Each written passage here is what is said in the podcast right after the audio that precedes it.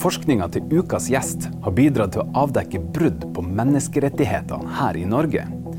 Førsteamanuensis ved Det juridiske fakultet, Marius Storvik, skal i dagens sending lære oss mer om bruk av tvang i psykiatrien.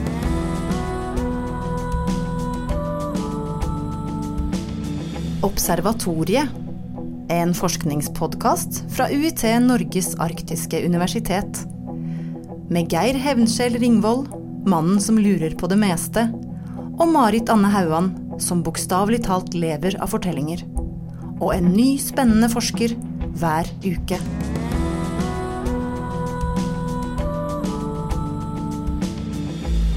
Velkommen til oss, Marius Storvik. Du er førsteamanuensis eh, ved juridisk fakultet eh, her på Universitetet i Tromsø, Norges arktiske universitet. Norges artigste universitet. vi hører det litt, den er fin, den. Uh, men vi bare, Marit, må sparke inn døra her. Fordi det er sjelden vi får muligheten til å snakke med en forsker som har i sin forskning sørga for, eller i hvert fall vært medvirkende til, en stor føljetong som VG avslørte. Når han eh, leverte sin, eh, eller hadde sin eh, doktorgradsdisputas, eh, så måtte dagen etter helseministeren på NRK Dagsnytt og rett og slett stå skolerett for de funnene som var avdekka. Det er sånn som vi ønsker oss skal skje hver gang en doktorgrad tas i Tromsø. det, er, det er rått, rett og slett, eh, Marius. Eh, OK. Hva er det, kort fortalt, du har forska på? Jeg har forska på hva er det som egentlig er lov til å gjøre inne i psykiatriske institusjoner. Det er masse psykiatriske institusjoner, det er masse pasienter, og det er masse Eh, bestemmelser som er der. Man må på en måte bestemme og styre. Og så er det den første forskeren som har gått inn og sett på etter at døra er lukket igjen, hva er det egentlig som er lov, og hva er det som ikke er lov, og jeg har tatt et dypdykk inn i det. For det der er jo eh, veldig eh, altså Det er en sånn her eh, jeg vet ikke på norsk du kaller det, 'a peak behind the curtain'. Altså Det er en liten sånn titt bakom gardina for eh, eh, sånne som meg, som egentlig kjenner veldig lite til hva det er som foregår på institusjoner. Det er sånn lukka ja. Psykiatriske institusjoner. ja. Har du blitt sluppet inn? Har, de, har folk villet at du skulle se dem i kortene? Ja, det jeg fant ut at jeg skulle gjøre, det var det at jeg vil gjerne vite hva det som skjer overalt. Og jeg kunne ikke lage til et spørreskjema, og jeg kunne ikke dra inn og besøke alle institusjonene. Så jeg skrev et brev til institusjonene som sier kan dere sende meg rutinene deres og fortelle meg hva er det dere mener at skal skje i disse situasjonene. Så fikk jeg en masse svar. Og så har jeg sittet og lest de her rutinene og funnet ut hva er det som de mener at skal skje. Men det er klart, jeg vet ikke hva det som egentlig skjer, jeg bare vet hva det institusjonene mener skal skje dersom ting fungerer optimalt. Og det er jo problemet. For når jeg sammenligner det her med jussen, så er det jo et systematiske avvik mellom rutinene og hvordan jussen er. Sånn at hvis de her rutinene hadde blitt vurdert av en domstol, så ville domstolen ha sensurert rutine etter rutine og det er jo det jeg da har funnet ut. Og det som er juicy her, eller som er kanskje det mest alvorlige, det er brudd på menneskerettighetene. Yes. Og da sier jeg i Norge Det er jo sånn man tenker ja. om eh, diktaturer og eh, plasser eh, som eh, er langt etter oss på lista over verdens beste land å bo i. ja, det, men, men, det, men, det, er jo en liksom utvikling ut av hva er menneskerettighetene, og hvordan utvikler de seg. For at Menneskerettighetene har på en måte blitt en standard. Det begynner på en måte som et minimumsstandard at menneskerettighetene at staten skal la være å ta livet ut av borgerne sine. Og så utvikles det, sier man ok, men vi må forvente litt mer av statene, og vente litt mer av statene. Så skrus den litt til, og så øker standarden. Og så lager man til noen generelle menneskerettigheter som gjelder, og så får alle landene noe å strekke seg etter. Mm. Eh, og i forhold til dette området så er det en ting som, som, domstolene har jo ikke vært inne i det før det. Altså det har vært noe som institusjonene har styrt sjøl, og det har på en måte vært forvaltninga sitt område. Og så har man da gjennom menneskerettighetene så har det kommet en del saker opp som har vist, vist noen standarder for hvordan skal det være. Og det er de sakene som jeg så har brukt inn i forhold til det norske systemet og sett hvordan ville det norske systemet vært i forhold til det her? Så det vi har, altså Vi trenger ikke ha et eget lovverk. Vi kan bruke bare menneskerettighetene for å ha de beste standardene for vår ivaretakelse av psykiske pasienter? Ja og nei. Fordi at du kan si at Menneskerettighetene setter en standard for hva som er lov og hva som ikke er lov. Men så er det jo også sånn at hvis man f.eks. skal gripe inn Man har vært rett på et privatliv etter menneskerettighetene. Mens privatlivet kan jo ikke være absolutt. Men menneskerettighetene stiller krav for at hvis du skal gripe inn i privatlivet, så må du ha en lovhjemmel for det. Og det er en del av de her plassene hvor lovverket bare henger etter. Hvor man ikke har laga til lovverk som passer overens, hvor kartet og terrenget ikke passer sammen.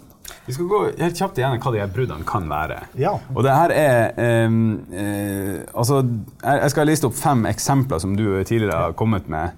Uh, og alle de er vel egentlig uh, innafor når det kommer til uh, psykiatrisk altså sånn prosedyrer, eller jeg vet ikke ja. hva det heter, rutiner.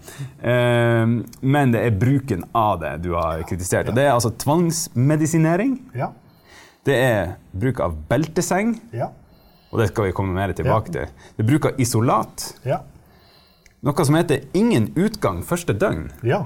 Forklar helt kort hva det er for noe. Når en pasient blir syk, kontakter det psykiatriske sykehuset og blir lagt inn helt frivillig, så er det en rutine på sykehusene på institusjonen om at pasienten får ikke lov til å forlate sykehuset før det er gått et døgn. Og det er klart, da foretar man med frihetsberøvelse og stenger igjen døra av en frivillig innlagt pasient uten at det finnes et rettsgrunnlag for det. Og problemet er jo selvfølgelig at for noen pasienter så er det sånn at da er det faktisk en grunn til at her må man vurdere dem, her må man foreta en akutt vurdering, og det kan være noen særlige nødstilfeller hvor man faktisk må nekte en. Men så er problemet at man lager til en rutine som gjelder alle sammen.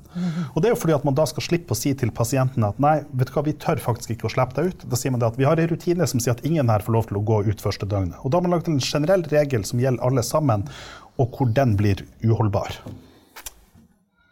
Veldig greit eh, som en gjennomgang. Eh, kontinuerlig observasjon er det siste, og det ligger vel litt i ordet. Ja, når en pasient ønsker å ta livet sitt eh, ønsker å ta, så, er syk nok til å Så er det klart, da er det institusjonen sitt ansvar å passe på at pasienten ikke gjør det. Og da, for noen pasienter så må de da fotfølge den døgnet rundt og være frimerke. At det må være på en armlengdes avstand 24-7. Også når pasienten er på toalettet og i dusjen. Og så er det klart at det her er jo noe som er nyttig, og det er noe som institusjonen plikter å gjøre. Men problemet er at det griper jo inn i pasienten sitt privatliv. Og det institusjonene da gjør, er at de bare beslutter det her. De fatter ikke et vedtak om det, de underlegger det ikke noen form for kontroll. Det betyr at pasienten, hvis den ikke ønsker å få at noen skal se på den når den er på do og i dusjen, så blir den fratatt all klagerett for det. Sånn at Tiltaket er på en måte fornuftig og riktig, men gjennomføringa blir uriktig. Hvor man ikke bruker det regelverket som er der, for å sikre at det blir lovlig. Altså, for meg, den, dette her både med observasjon og, og innestengthet, det, handler, det får, er jo så smertefullt å tenke på at råderetten over ens eget liv ikke er til stede. At man liksom på en måte ikke har, får lov til å gjøre sine egne valg. At, og man får heller ikke lov til å diskutere de valgene andre gjør. Det, tar, det tas bare beslutninger. Så man blir, helt, man blir helt stengt inne i en, en prosedyre eller, en, en, et regelverk som, som institusjonene lager seg. Men kan det, være, kan det være grunn til å si nåde til disse institusjonene? For det er klart, for dem som jobber på institusjonene, de gjør sitt beste. De får utlevert en sprekksjuk pasient som de tenker hva skal vi gjøre for å berge livet til denne pasienten? Hva skal vi gjøre for å gjøre denne pasienten frisk? Og de ansatte på institusjonene er dyktige mennesker med en høy etisk bevissthet som gjør sitt beste for å gjøre mennesker friske. Eh, Sånn at, sånn at dem kan vi jo ikke kritisere. Så problemet her er jo de den systemene rundt dem som gjør at de ansatte blir nødt til å utsette, altså krenke pasientene sine menneskerettigheter eh, i, i sine forsøk. Og det her viser på en måte at systemet, at det regelverket som systematisk er for dårlig, som ikke er tilpassa den virkeligheten. Kartet og terreng passer ikke sammen. Viktig presisering der. At ikke det her er en slags sånn her eh, sånn uthenging av den som faktisk har det her som jobb. Ja. Um, bruk av belteseng. Og eh, for meg som aldri har vært på en eh, psykiatrisk institusjon før, så får jeg sånn bilde av liksom, Hannibal Lecter fra Hva heter det? for noe? 'Silence of the Lambs'. Han er liksom bundet fast, og, og det er liksom maske og det hele. Eh, men det her er kanskje ikke en så drøy eh, Nei, det, det er i hvert fall ikke versjon. vanlig med masken. ok, Men i hvert fall, eh, det er folk som, som blir frihetsberøva ved å bli bundet fast i en seng eller stol. Yes. Belt, altså med belter, ikke med tau, men med belter. Ja, er derfor, det, derfor det heter belteseng. Ja, Og det er greit. Ja, i utgangspunktet så kan man jo si det. Altså Hvis en pasient er, går til angrep på personalet eller går til angrep på andre pasienter, er på en måte så fysisk utagerende, så kan det oppstå situasjoner da man er nødt til å ta kontroll på pasienten. Og at det ikke er noen andre utvei at man må legge pasienten i belteseng for å ta kontroll på pasienten. Så Derfor så er det jo i utgangspunktet så er det greit, og regelverket åpner opp for det. Men samtidig er det ikke greit. Men samtidig så er det ikke greit. Hvorfor ikke det? Og det er fordi at, um, fordi at um, det må underlegges en streng kontroll. For dette er jo det mest inngripende du kan gjøre overfor en person. Og Da betyr det at da må du også sikre rettighetene til de, til de pasientene som ligger her. Og så er det sånn at de her pasientene som blir lagt i belteseng, de har i praksis ikke noe klagerett. Altså Av dem som blir innlagt på institusjon, så er det sånn at 64 eller 68% av hvilket år du undersøker, klager på at de blir innlagt på institusjon. Men når de så blir lagt i belteseng, så er det under 2% som klager på det. Det betyr at, at selv om at de har en formell klagerett, så i praksis så de da, har de da ikke en klagerett. Det betyr at praktiseringa av beltesengbruken er fullstendig overlatt til eh, hvilke rutiner det som finnes på institusjonen. Og det betyr at Når da rutinene sier at det skal være et krav til at det skal være så kort tid som mulig, så ser jo den rutina tilsynelatende god ut. Men hva, hvordan praktiseres det? Jo, da praktiseres det om at du da får et gjennomsnitt på 2,9 timer. Mens jeg regner det om til median. Medianen er 12,3 timer. Og så er det spørsmål hvor lenge skal det her være? Jo, da sier de menneskerettslige standardene at det maksimal grense er på seks timer. Og så sier de det at i enkelte ekstraordinære tilfeller kan man tillate opptil 24 timer. Når man da har en median i Norge på 12,3 timer, så er varigheten strekker seg mye lengre enn det som er med de menneskerettslige standardene. Og da kommer jo problemet inn at når pasienten ikke har en klagerett, de her sakene aldri kommer opp for domstolssystemet, det blir på en måte aldri skjedd en balansering ut av det, så får du da utvikling av en praksis hvor man ser at den desperate situasjonen, man legger pasienten i belteseng, og så blir den bare liggende. Sånn at det, Vanligvis så vil det være greit at man legger pasienten i belteseng. Problemet er hvor lenge det pasienten blir liggende, og hvordan forsvarer man at den blir liggende så lenge. Og da er det sånn at det man da gjør, er at man da sier at man da spør um, kan vi slippe opp pasienten. Altså, man, er pasienten rolig nok til å kan stille den opp? Men det blir ifølge de menneskerettighetsdomstolen så er det et feil spørsmål. Spørsmålet er dersom pasienten nå ikke hadde lagt i, lagt i belteseng, er den da så urolig, aggressiv og truende at vi ville lagt den i belteseng på nytt? Og det er to ulike spørsmål. Og at man stiller det uriktige spørsmålet. Og der, der du går inn og så ser f.eks. hvis det oppgi- oppgir oppgitt at uh, pasienten sover, da er ikke vedkommende til skade for eh, Åpenbart ikke. Den som sover, synder ikke, sier man. Nemlig. Uh, så, så det er et brudd da på menneskerettighetene. Sovna i beltesenga. Ja, sovna i beltesenga. Det er klart at Når pasienten er så rolig at den sovner i beltesenga, så har pasienten ikke noe i belteseng å gjøre. Da skal pasienten løsnes fra beltesenga. Noe annet som var med i den VG-avsløringsreportasjen, det var også at det, det ble oppgitt tidspunkt for når pasienten ble eh, bundet opp i beltesenga. Så var det blankt på når eh, vedkommende ble sluppet løs. Ja, og det, og det, altså, det, påligger staten, når man legger noen i belteseng, så er man nødt til å dokumentere at varigheten er så kort tid som mulig. Og det betyr at det, i de sakene som har vært oppe, så har staten måttet ha dokumentert for hver time at det fortsatt er nødvendig å ha pasienten i belteseng. Og at i de systemene som finnes for belteseng i Norge, så er det ingen det, altså det finnes ingen standardiserte protokoller eller systemer som stiller et krav til at man hver time må dokumentere det. Det betyr at hvis du får en sak hvor en pasient har ligget i belteseng i gjennomsnittet på 2,9 timer, så er det sånn at da vil man mangle den dokumentasjonen som viser at det var nødvendig å ha pasienten i 2,9 timer. Og det gjør at hvis den pasienten som ligger på en helt vanlig gjennomsnittlig beltesengbruk, så vil den likevel vinne fram og få konstatert at dens menneskerettigheter er krenka, fordi at institusjonen ikke kan dokumentere at det var nødvendig.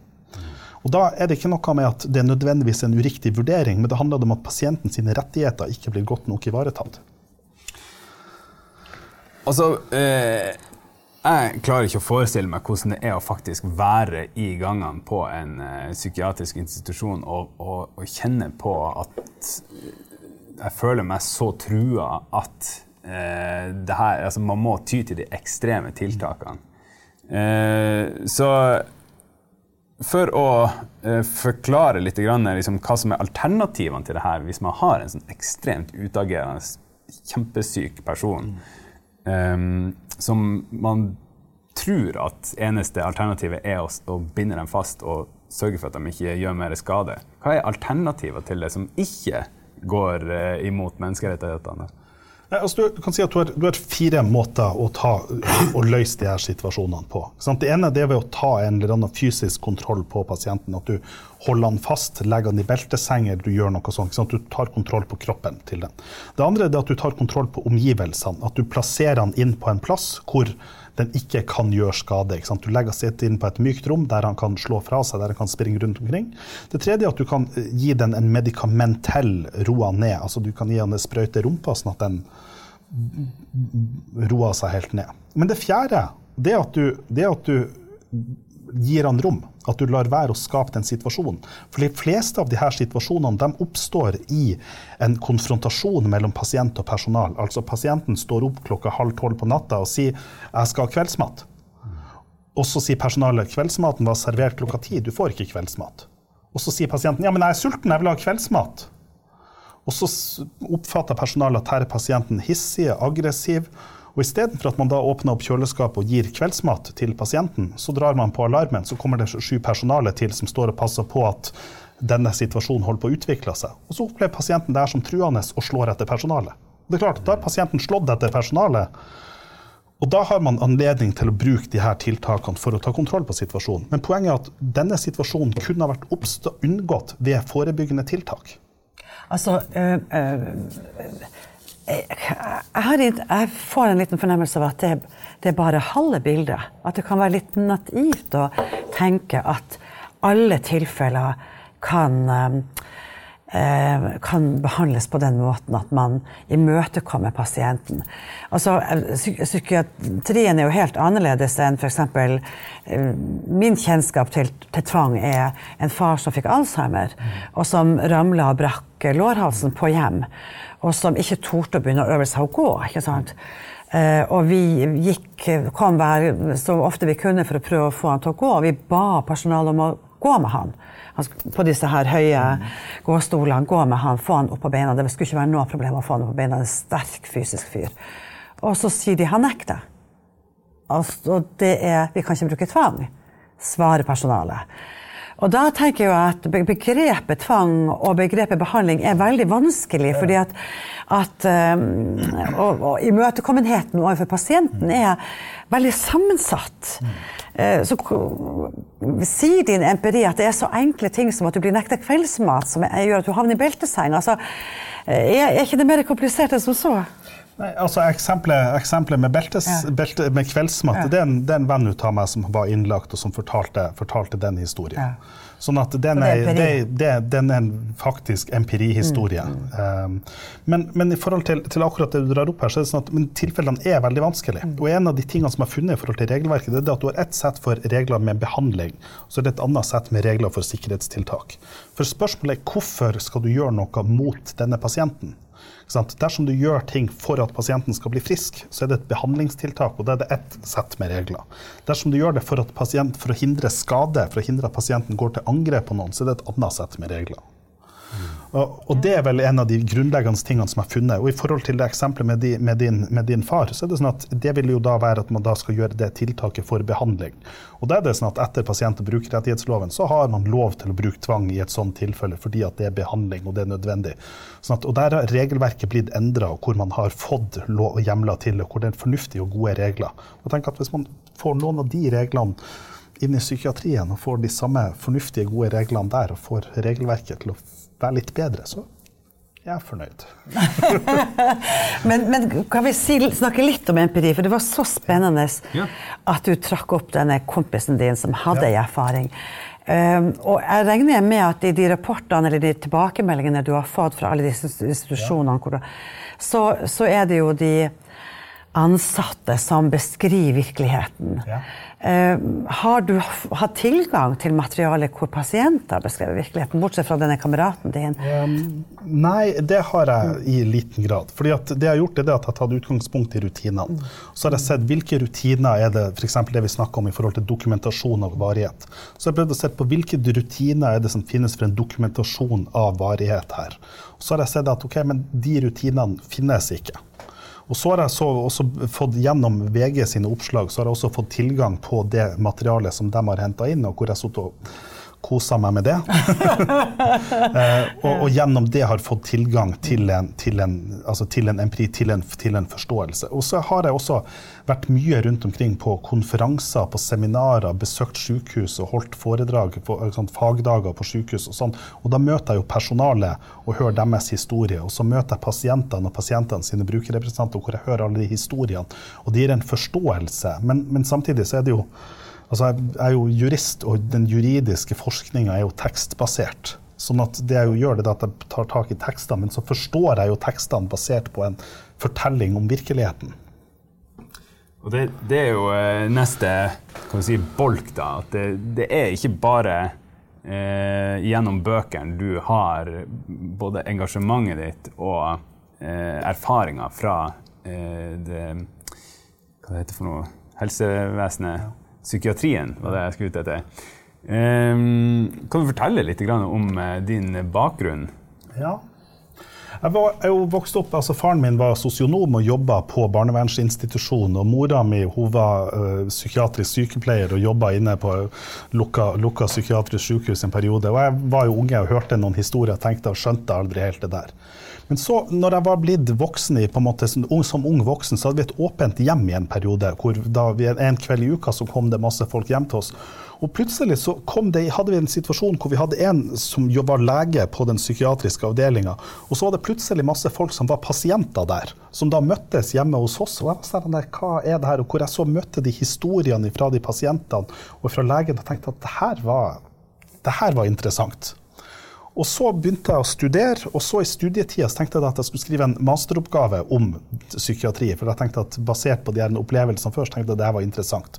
Og så tok jeg sommerjobb på et psykiatrisk sykehus, og så skrev jeg dagbok derifra hver dag og vurderte den tvangen og tenkte at dette var fornuftig og god tvang. Jeg tenkte at All den tvangen som jeg hadde vært med og praktisert, å legge pasienter i belteseng, det var rimelig og forsvarlig, og tenkte at det, sånn måtte det gjøres.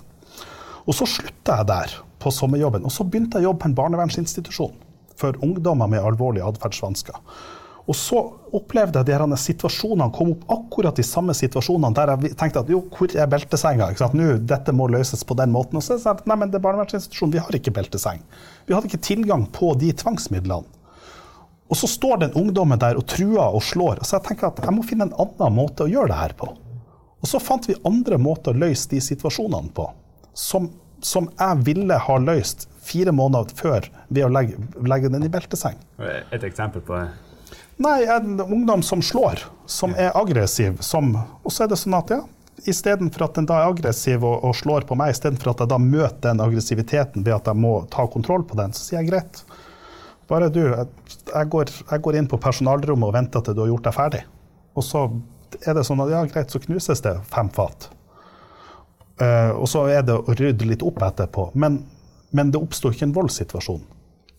Den volden som ungdommen møter, jeg trenger ikke alltid å møte den med vold. Men det oppstår likevel situasjoner som må møtes med vold. Altså Det finnes situasjoner da man må ta kontroll på dem, og da er det viktig at man har et rettslig regelverk for det. Ja. Det syns jeg er en eh, ganske sammensatt og grundig eh, bakgrunn da, for Men- å kunne uttale seg om det. Men det, denne masteroppgaven det skrev du på juss? Ja, det stemmer Ja. på juss. Ja. Da sammenligner jeg de voldsutageringssituasjonen i barnevern og psykiatri, hvor jeg ser er det noen forskjeller mellom de her situasjonene. Er det noe som skal tilsi at reglene her er ulike? Og så konkluderte de med at nei, jeg klarer ikke å tilsi at det er noe som skal tilsi at reglene her er ulike rent prinsipielt, fordi at begge er en sikkerhetssituasjon, begge er en faresituasjon. Og da betyr det at de tiltakene som man da må bruke for å stoppe den her, de bør da også i prinsippet være like. Vet du hva, Geir, jeg er så, så begeistra eh, og, og forvirra på samme tid. fordi at min inngang til juss er jo ei stor, tørr, rød bok.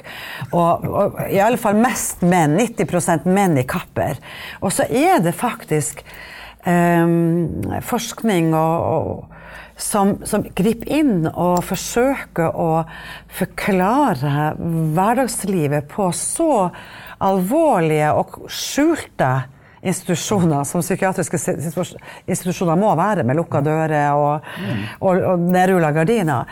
Eh, så det er jo utrolig spennende at vi får opp en forskning som kan hjelpe til å endre vilkårene for de av oss som noen ganger ikke får til å sitte ved kjøkkenbordet hjemme hele tida. Mm. Det er fabelaktig. Det er det. Og eh, vi pleier å dra litt sånne, her, eh, sånne historiske linjer her. Eh, vi pleier å, å trekke å si, eh, Bla kalenderen frem til eh, altså 50 år i tid.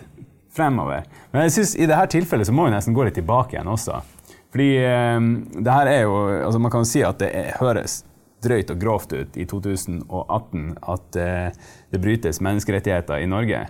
Men psykisk helse for eh, 50 år siden, kan du beskrive hvordan det var? Ja, det, det um, altså som, historisk sett så var det jo sånn at når pasienten ble innlagt på institusjonen, så var det sånn at man hadde en rettslig kontroll av plasseringa. Men når døra var lukket igjen bak den, så var det helt overlatt til legen sitt skjønn. Hva er det som skal gjøre, hva er det som ikke skal gjøre. Og det gikk jo veldig galt, hvor du hadde lobotomi, du hadde svære sovesaler, du hadde utstrakt bruk av beltesenger hvor det på en måte var i oppbevaring. Og det hadde jo sammenheng med det at man hadde ikke behandlingsmetoder, man hadde ikke rom for å gjøre noe med det her. sånn at man var nødt til å gjøre det man kunne. Men så skjer det da en utvikling, to utvikling. Det skjer en medisinsk utvikling hvor man får noen nye tiltak, man får noen nye medisiner som har, har en, en, effekt, selv om at det er et medisinsk og omstridt spørsmål i hvilken grad de virker. Men det er utenfor mitt fagområde, så det lar jeg ligge. Men så er det også en juridisk utvikling hvor det stilles et krav til at det skal være en rettslig kontroll av det som skjer inne på institusjonene. Og det er det som jo jeg da har gått inn på. Det er jo det som hvor jeg oppdaga at her er det kommet et krav til det uten at det egentlig er blitt fulgt opp. Hvor det er en praksis, ikke en rettslig kontroll. Viktigheten av de her eh, tingene du har avdekka, det er jo for å også holde oss litt sånn på tå hev i forhold til hvem som eh, lovgir, og hvem som utfører. Ja. Og Der syns jeg du har et fantastisk eh, artig og bra eh, eksempel. Ja, ja for, for, jeg tenker på, at, at, altså, jeg tenker på Kardemommeby. Fordi at han Politimester Bastian i Kardemomme by han synger 'Jeg laga kardemommeloven', og så er han politimester som er den utøvende makt, og så bestemmer han at røverne skal i fengsel. Og det gjør jo han til lovgivende, utøvende og dømmende makt, en klassisk diktator. Og så tenker man at jo, men han var jo en snill diktator. Og så er det sånn at ja, men var jo egentlig det? Fordi at her har du Kasper og Jesper og Jonathan i utkanten av Kardemommeby som holder på å sulte i hjel. Hadde Kardemommeby vært snille og greie, så hadde de vel hjulpet Kasper, Jesper og Jonathan. Og Kasper, Jesper og Jonathan de står der ute hvordan skal vi overleve. Vi drar til byen og tar med oss løver på dagtid. Så tenker, nei, nei, nei, da blir de, det vil ikke være greie og snill. Så drar, lar de løver være igjen, drar ut midt på natta og synger. Og ellers så tar vi så lite som vi kan. Og prøver å være greie og snill. Sånn at saken er det at med en diktator, der du har på en måte en tredeling, altså du har samla funksjonene på samme, så får du ikke en maktfordeling. Og det er jo det som er funnet mitt i forhold til psykiatrien. At de, de som jobber på institusjonene, det er dem som lager til rutinene, det er dem som praktiserer rutinene. Og fordi at det ikke finnes noe praksis klagerett, så er det også dem som er dommere etter dem. Og det gjør det at selv om at de i likhet med Bastian gjør sitt beste for å være snill og grei, så blir det likevel, de blir likevel diktatorene. De snille diktatorene. Og det som er håpet mitt, det er at man skal få til ei sånn fordeling av denne makta. At du skal få et system hvor du får noen som ser dem i kortene, og får se på at ja, men fungerer det her godt nok. Og det neste forskningsprosjektet må være å se på, hvis man klarer å fordele makta, vil man da eh, Du må samarbeide med psykiatrien da. Vil man da få pasienter som blir friskere? Og det vet vi. Vi vet det finnes forskning på det, der man på en måte har fått redusert tvangen, der pasientene har fått en økt brukermedvirkning på hva er det som skal skje når de utageringssituasjonene oppstår. Så kommer det færre utageringssituasjoner om man reduserer tvangen. En plass er det blitt dokumentert man reduserer tvangen med 80% fordi at man har klart å tenke på hvordan man skal løse de her situasjonene på en annen måte ved å få til en større balansering. Så det gir bedre behandling og mindre vold og mindre tvang. Ja, Så det er i praksis det du tenker og håper at eh, forskninga di har ført til om 50 år? Ja, det er det.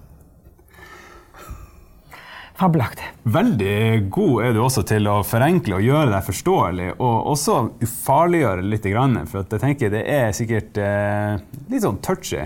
Og vi har vært inne på også at det er fort gjort å, å, at eh, de som står i det og jobber med det, føler seg litt sånn uthengt på ja. det her. Eh, men eh, Men var det forenkling? Jeg syns faktisk at han, han eh, la inn noen flere um, membraner. Vi, måtte, vi må analysere dette dypere enn vi har gjort til nå. Vi må forstå det som mer komplisert og komplekst. Vi må forstå pasienten ikke som en pasient, men som en person med alle menneskerettighetene i behold, uansett hvor syk vedkommende er. Så jeg, jeg syns han kompliserer på en nydelig måte. takk for det. men eh, tusen hjertelig takk for at du kom hit og ville snakke med oss. Og så oppfordrer jeg alle som hører på det her, til å, eh, å bare google navnet ditt og VG avslører. Og så er det en veldig spennende sak fra et par år tilbake der. Eh, eller gå inn på nettsiden våre uit.no 50, hvor vi ser en liten kronikk. Men takk for at du eh, kom hit.